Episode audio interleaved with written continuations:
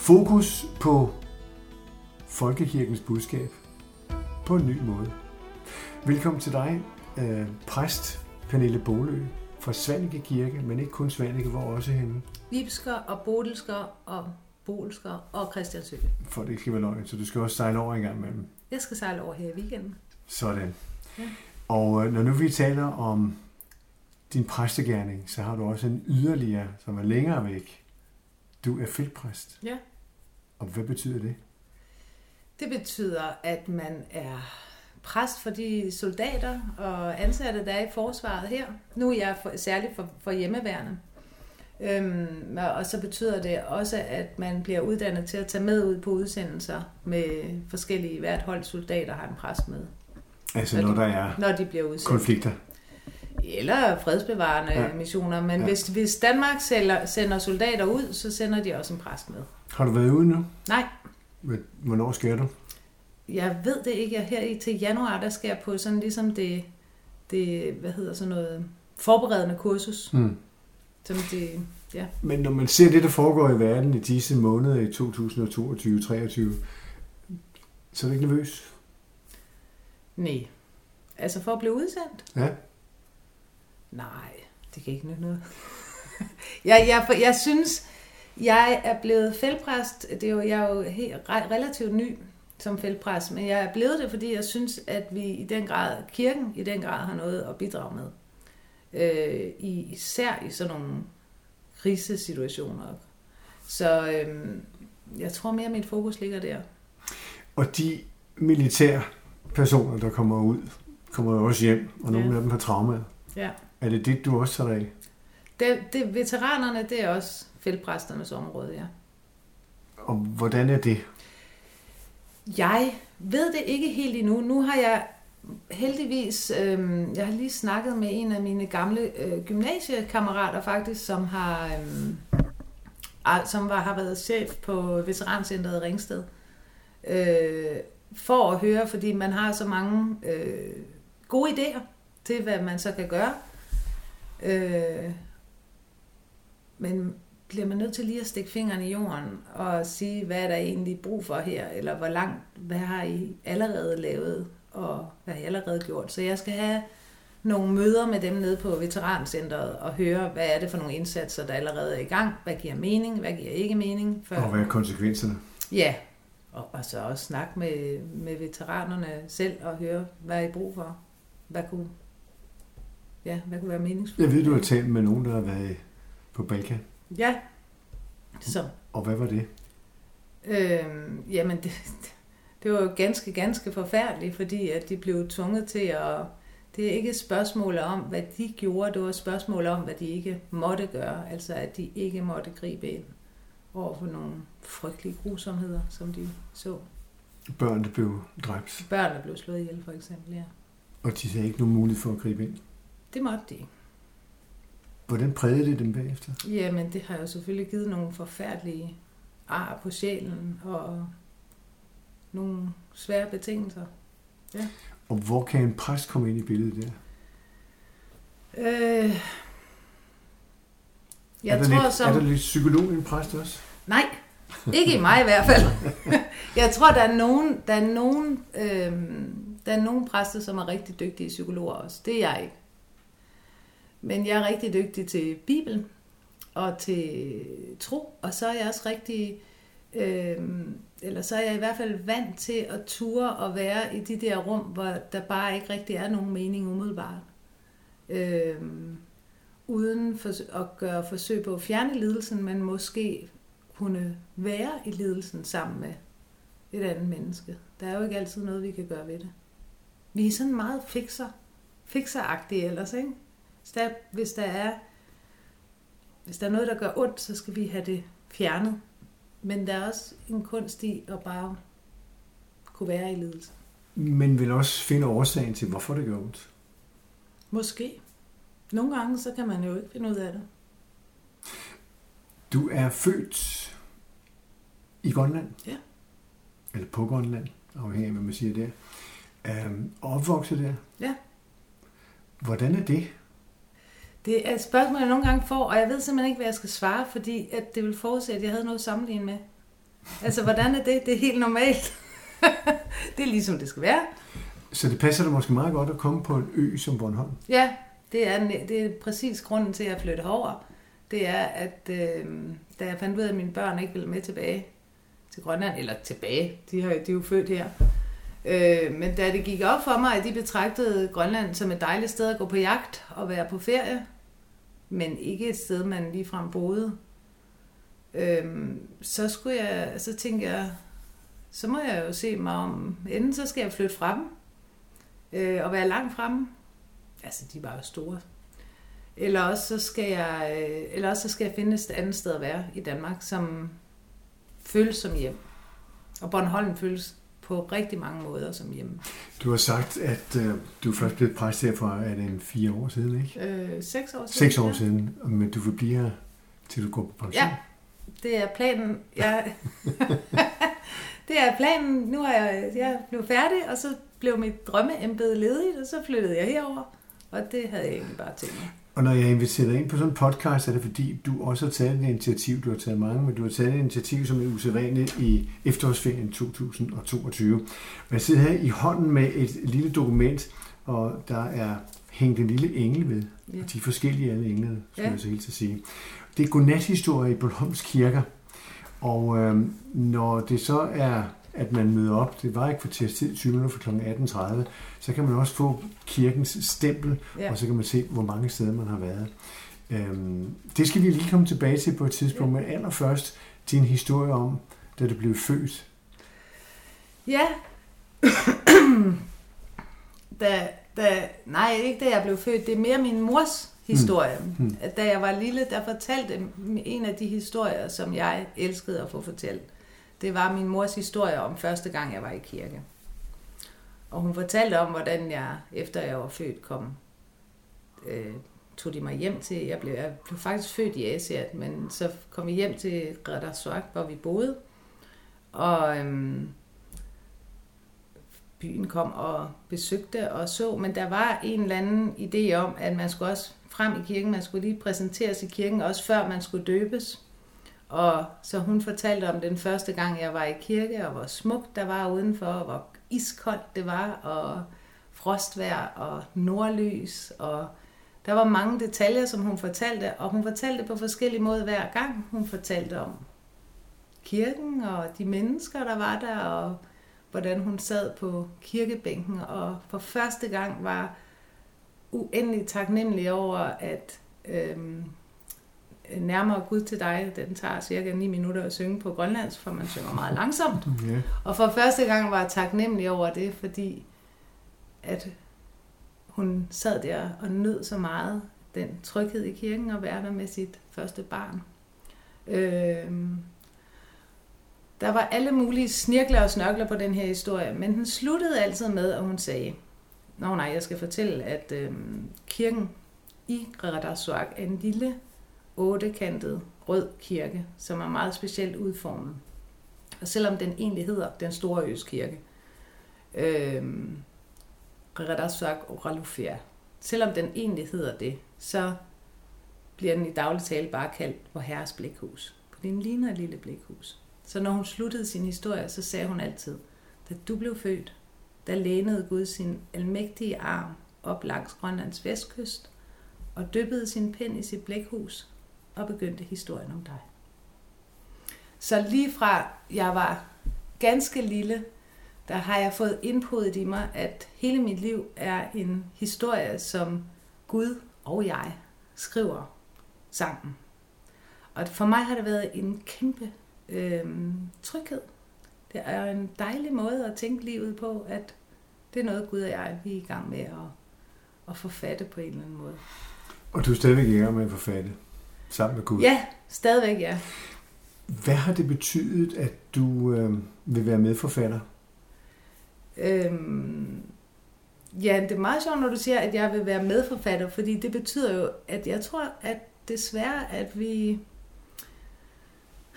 Det er en af grundene til, til, at jeg tror, at det er vigtigt, at vi har det her trospørgsmål. Det er, at vi ikke er alene om at fortælle vores liv. For jeg tror desværre, at der er rigtig mange, som øhm, føler, at deres liv er noget, de skal skrive alene. Det har du selv ansvar for. Det skal du selv Hmm. finde ud af. Du kan, du kan hvad som helst, du vil, og så videre, og så videre. Hvis du er medforfatter, så betyder det, at der er altså også en anden, som både har ansvar, og som har som agens, eller kan handle ind i dit liv, som, men som, som ligesom er med til det. Du er ikke alene om at skrive det. Det synes jeg næsten er det vigtigste.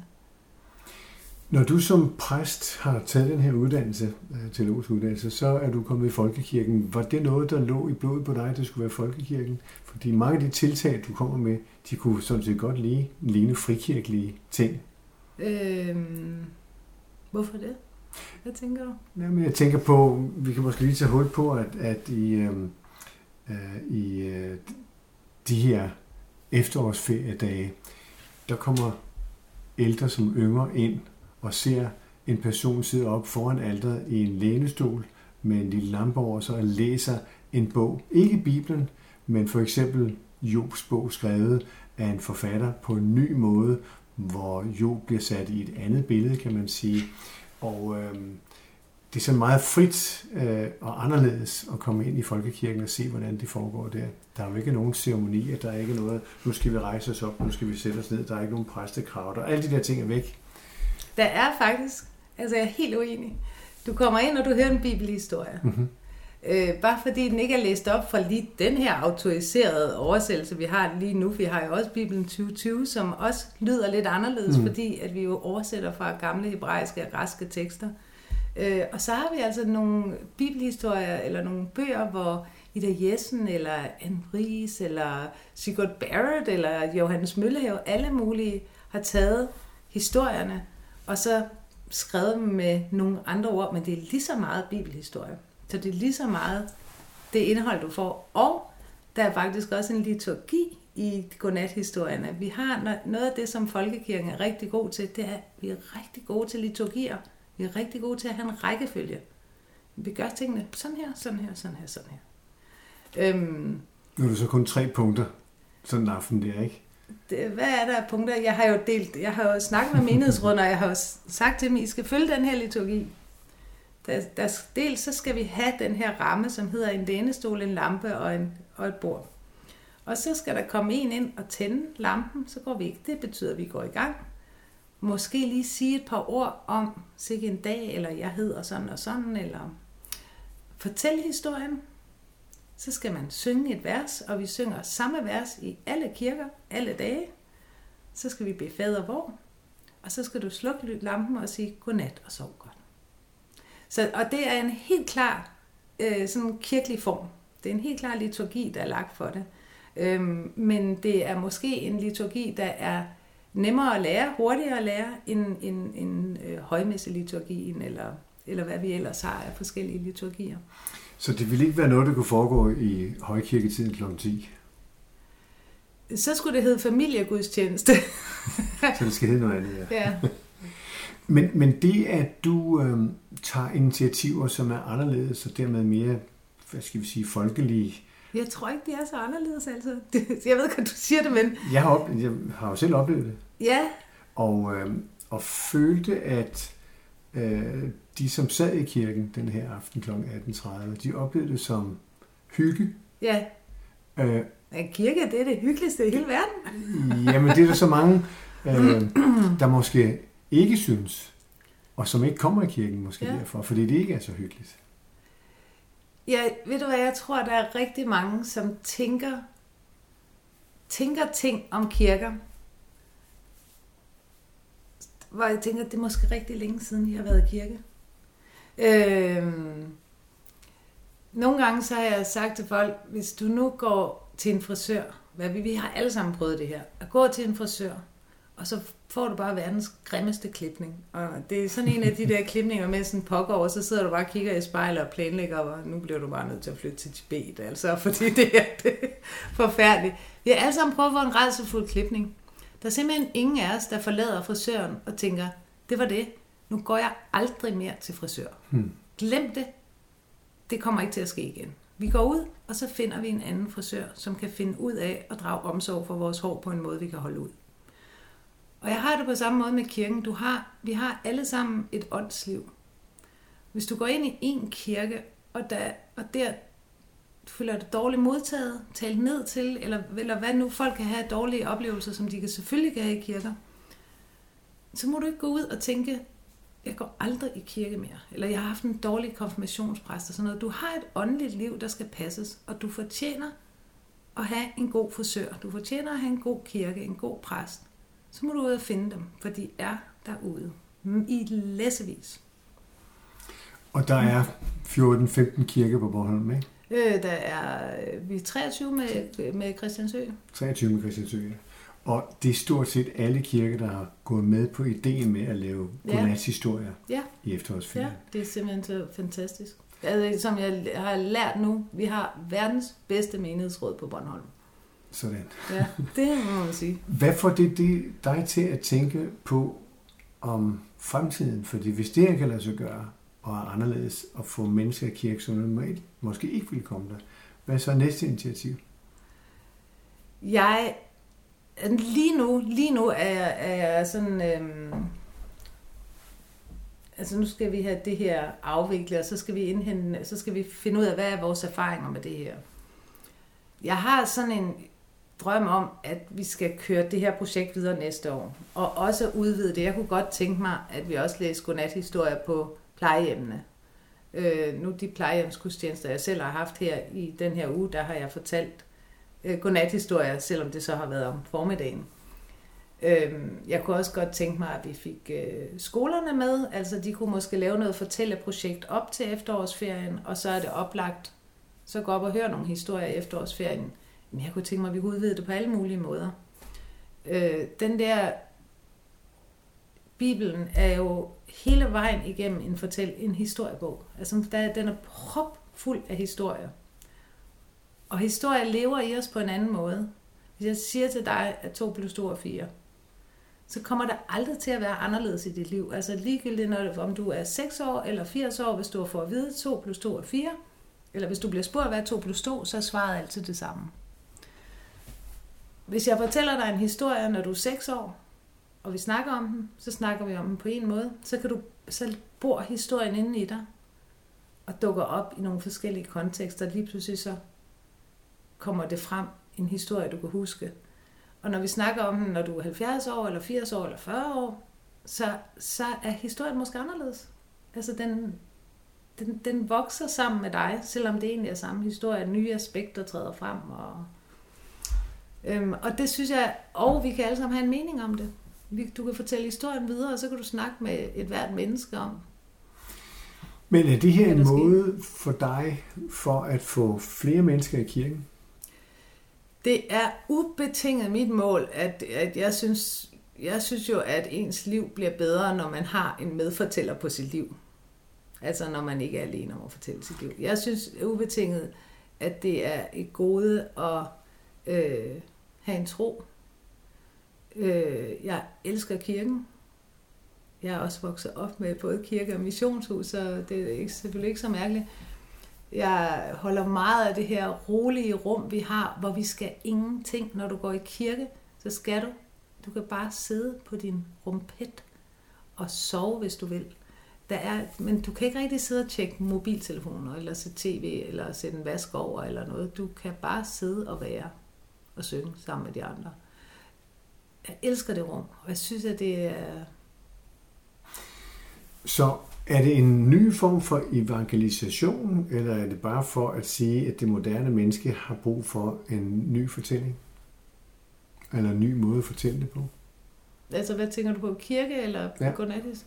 Nej, jeg tænker... De det, initiativer, det, som du tager. Nå, de initiativer, jeg tager, ja. det er simpelthen fordi, jeg håber på, jeg håber på, at jeg kan få folk til at øhm, mm, give det en chance, kan man sige. Jeg vil ønske, at jeg kunne, få, jeg kunne gå ind i dit hoved, og så viske alt ud, hvad du tror, du ved om Bibelen, hmm. og, og, og alt, hvad du ved om Bibelen, hvad, hvad ved jeg, ikke? Og så få dig til at sige, tag nu den her bog. Glem, hvad du tror, du skal tro om det. Glem alt om, hvad, hvad andre har sagt til dig. Sådan noget. Tag den som lige præcis dig. Åbn den og læs den. Og når du så tænker, hvad er det her for noget? Ikke? Hvad er det, der står der? Ikke? Så find en anden at snakke med snak om. Eller at snakke med om det. Mm-hmm. Øhm, fordi vi kommer... Den her bog er, er jo altså, verdens mest berømte bog, og den mest solgte, og den, altså, og den er basis for mange mennesker, er den simpelthen basis for den måde, de lever deres liv på. Og tusinder og tusinder gamle. Vi har så mange forestillinger om, hvad der er, der står i den. Og der er ikke så mange af os, der læser den. Altså simpelthen på vores egen måde. Gør den til vores bog. Der er mange, der går i stå jo i de gamle testamente for eksempel. Øh, der, fra mennesker, der prøver at sige, Jeg tror, at hvis de rammer lige ned i, i Leviticus 3. Øh, Mosebog, så, så kan man hurtigt gå i stå. Men fordi det er en masse lovstof. Men altså nu tog jeg, tog, nu tog jeg selvfølgelig Bibelen med, og det er, var blandt andet, fordi jeg tænkte, at, at jeg vil vise, eller fortælle, at der er sådan nogle bitte, bitte, bitte små historier i. Nu prøver jeg lige at læse noget, ikke? Fra 4. Mosebog, kapitel 20. Så brød israelitterne op fra Kadesh, og hele israelitternes menighed kom til bjerget Hor. Og bjerget Hor på grænsen til Edom sagde Herren til Moses og Aaron. Aaron skal gå til sin slægt. Han må ikke komme ind i det land, jeg har givet israelitterne, for I trodsede Herrens befaling ved Meribas vand. Tag jer Aaron og hans søn Eleazar og før dem op på bjerget Hor. Tag så klæderne af Aaron og giv hans søn Eleazar dem på. Der skal Aaron gå til sin slægt og dø. Moses gjorde, som Herren havde befalet. De gik op på bjerget Hor for øjnene af hele menigheden. Og Moses tog klæderne af Aaron og gav hans søn Eleazar dem på. Der, på toppen af bjerget, døde Aaron, og Moses og Eleazar gik ned fra bjerget. Den, det der lille bitte stykke, det var det tilfældige sted, jeg slog op lige efter min mor var død. Og det er en lille bitte historie, som gav uendelig meget mening for mig, fordi det der, det er noget, som vi alle sammen, øh, eller mange af os i hvert fald de fleste, kommer til at opleve. Det at dine forældre på et tidspunkt er en lille nøgen olding, som du efterlader ved døden. Hmm. Og du får tøjet på. Du skal tage deres varme tøj på, mm. og så skal du gå ned ad bjerget igen og leve videre. Bærende på din fars tøj. Jeg tror, at de næsten alle kan genkende det der billede med, når en forælder dør fra os. At vi har fået deres tøj på. Deres stadigt varme tøj på kroppen. Og nu bærer vi deres arv og deres altså, tøj, altså deres sind og sindelag og opdragelse og deres tanker og alt muligt. Det, det der sæt klæder, vi får på. Det er et ansvar.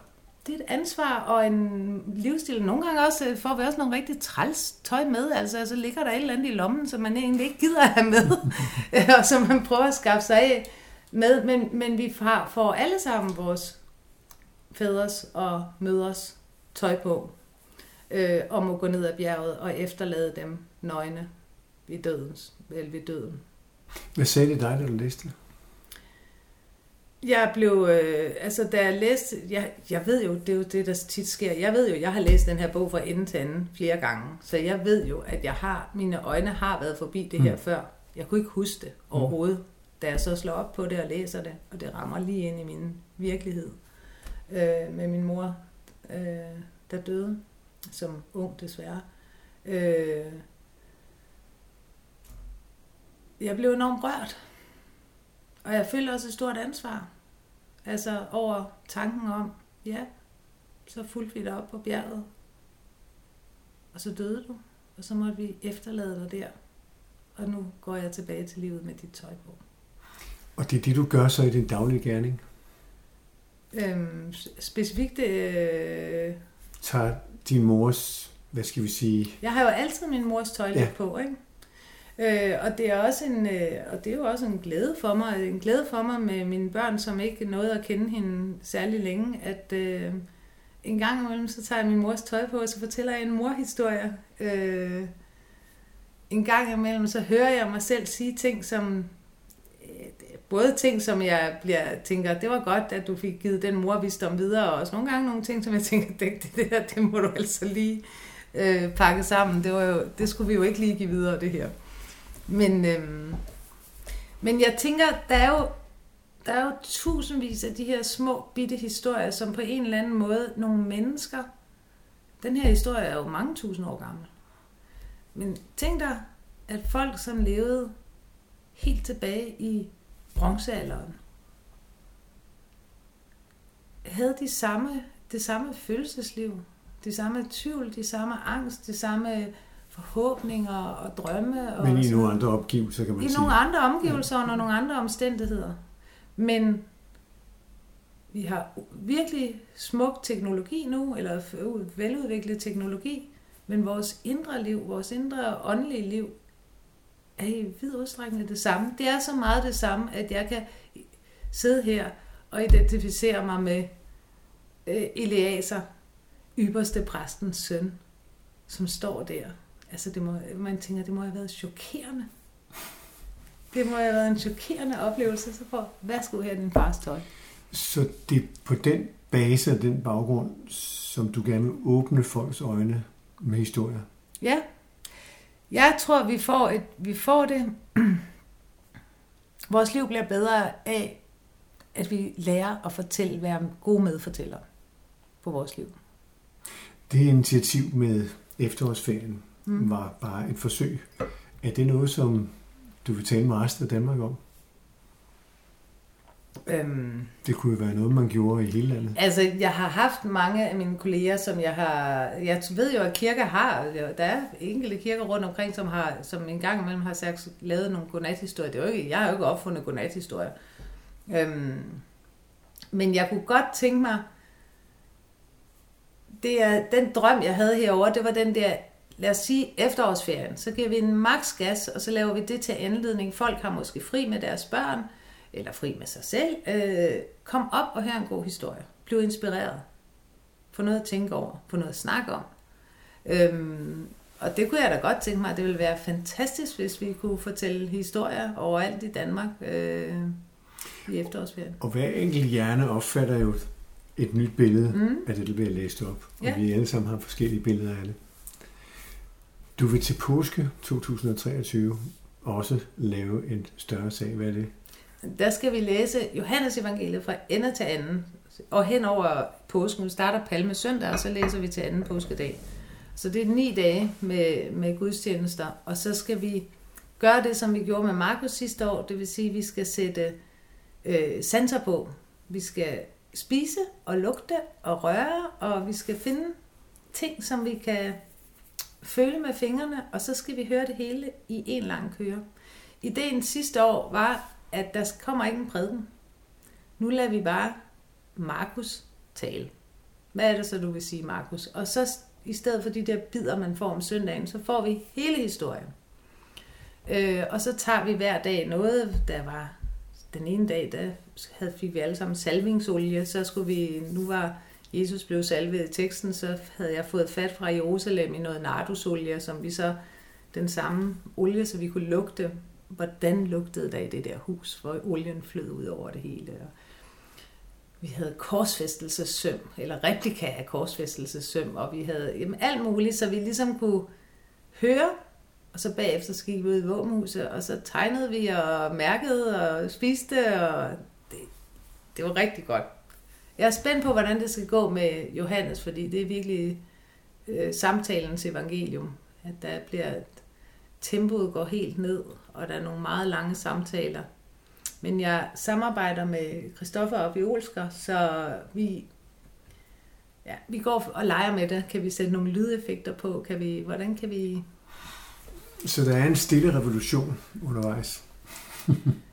Jeg, jeg tror altså ikke, altså jeg tror slet ikke, det er så øh, revolutionært. Altså hvis du ser, hvad der laves rundt omkring i kirker i Danmark, og hvad der altid har været lavet. Folk har digtet og sunget og danset og på alle mulige måder forsøgt at give de her historier videre. Og Pernille Bolig, du bliver i hvert fald ved med at skrive historier fra Blækhuset i Grønland, Det gør jeg. til du er væk herfra og giver det videre til dine børn. Ja. Det er faktisk min julegave. Jeg er i gang Det må jeg ikke sige. Det kan jeg godt sige. De hører det nok ikke. Jeg er ikke i gang med en julegave, fordi jeg har fundet ud af, at de siger, at det, de kommer til at slås om, når jeg engang ikke er her mere, det er min opskriftbog, hvor jeg har skrevet opskrifter ind, og så har jeg også skrevet historier. Det her, det var mor, og hun havde den her veninde, og de sådan, og så grinede de af. Og den opskriftbog elsker de. Og de skal ikke slås om den, så nu er jeg i gang, gået i gang med at lave en opskriftbog til dem hver, hvor jeg skriver historier om både dem og ja. Så får de deres egen liv. Rigtig god fornøjelse. Tak. Også til de, der kommer i kirken. Ja. Øh, overvej det virkelig. Kom ja. ind og lyt også til påske. Ja. Tak for nu. Tak.